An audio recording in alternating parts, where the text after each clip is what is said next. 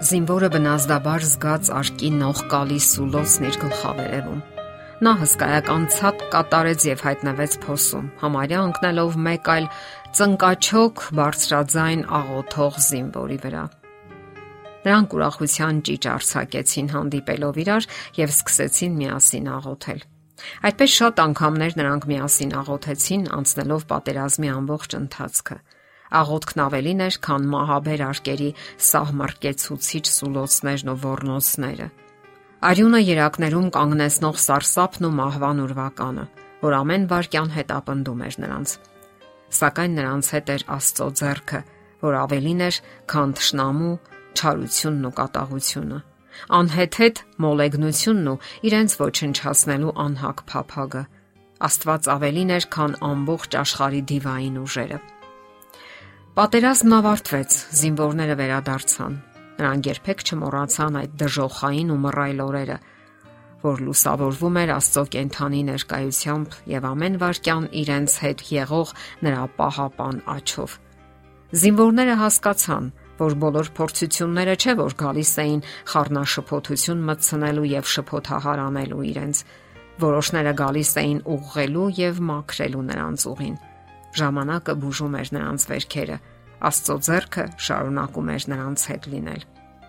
Յուրաքանչյուր մարդ իր եզակի եւ անկրկնելի ուղին է անցնում։ Աստվածային ազատության եւ անկրկնելի փորձառությունների ուղին, որոնք թեև հաճախ սարսափելի են լինում, սակայն Աստծո հրաշքներն են ցույց տալիս։ Տեսնելով Հիսուսի հրաշքները մենք ընդունում ենք դրանք եւ հարստանում փորձառություններով, ապա ընդունում ենք մեր հերթական որոշումները։ Պատերազմն անցնում է վախերի, հույսերի, ապրելու եւ կյանքի համար մաքարելու փորձառություններով։ Իսկ վախն առանց Աստծո կատվածահար է անում մեր նյարդային համակարգը եւ ջլատում մեր կենսական ուժերը։ Իրական վտանգներից զգուշանալը միանգամայն բնականon է եւ հասկանալի, սակայն մեր վախերից շատերն էլ հորինովի են եւ երևակայության արդյունք։ Աստված դեռևս շարունակում է պահել մարդկությանը եւ խոստացել է իր փրկարար օրհնությունները նրանց, ովքեր համարցակորեն իրեն են դիմում բոլոր իրավիճակներում։ Նա իզորու է հերացնելու ցանկացած փորձություն եւ դիվային հարցակում։ Եվ եթե վախենում եք, պետք է միջոցներ ձեռնարկեք։ Չնստեք ու նապաստակի նման դողդողալով սպասեք, թե ինչ է տեղի ունենալու։ Հիշենք Ռումբերից փրկվող զինվորների պատմությունը։ Իսկ նման պատմություններ հազարներով կարելի է հիշել։ Աստված ասում է, որ վախը հաղթահարելի է։ Դուք եւս կարող եք հաղթահարել վախը Աստծո օգնությամբ։ Աստծո մոտ եւ նրա մեջ մենք կարող ենք գտնել մեր բոլոր ֆիզիկական ու հոգեկան վախերի լուծումը։ Այդ միանգամայն իրական պահպանությունը անհատույց առաջարկվում է բոլորին։ Մտածեք հետեւյալ հուսալի եւ հրաշալի խոսքերի մասին, որ գրել է Դավիթ Թագավորն իր սաղմոսներում։ Բարձրալի ծածկոցի տակ բնակվողը ամենակարողի շուքի տակ է հանգստանում։ Ես կասեմ իմ Տիրոջը, իմ ապավեն եւ իմ ամրոց, իմ Աստված, որին հուսացել եմ, որովհետև նա կփրկի քեզ որսորդի որոգայթից, չար ժան տամահից, նա կծածկի քեզ իր փետուրներով, նրա թևերի տակ ապահով կլինես Նրա ճշմարտությունը ասպար է եւ զրահ։ Դու չես վախենա գիշերվա զարհուրանքից, այն նետից, որ թրջում է ցերեկը։ Միշտ հիշենք այս ճշմարտությունը։ Աստծուն ամեն ինչ հայտնի է քո մասին։ Նա տեսնում է քո հոգին եւ քո տարապող սիրտը։ Նրա համար կարևոր չէ թե ինչ տեսք ունես դու։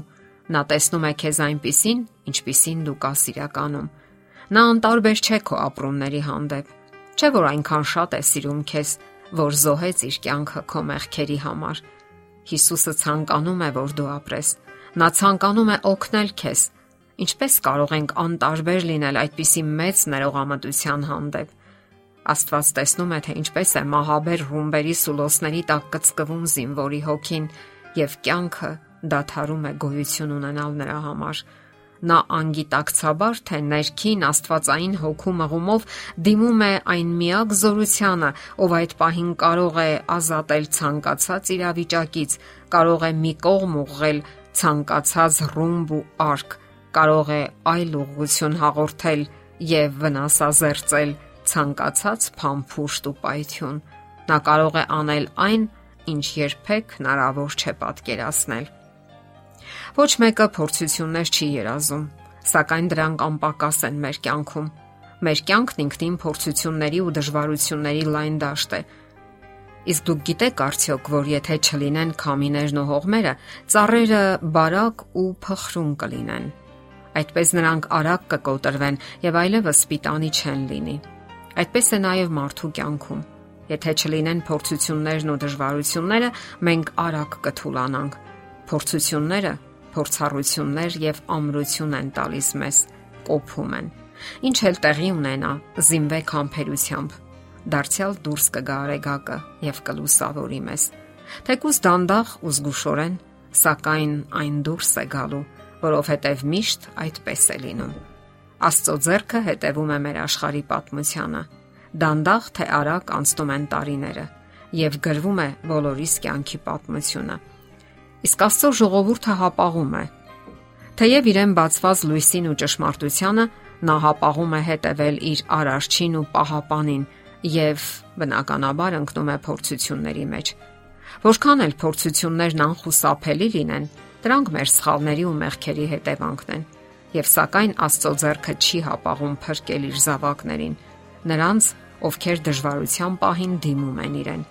Նրա ձեռքն էր, որ պահպանեց փոսի մեջ հայտնված եւ հույսով իրեն դիմող զինվորներին։ Նրա զսպող ձեռքն է, որ դեռևս հետ է մղում աշխարհի ճարիքները։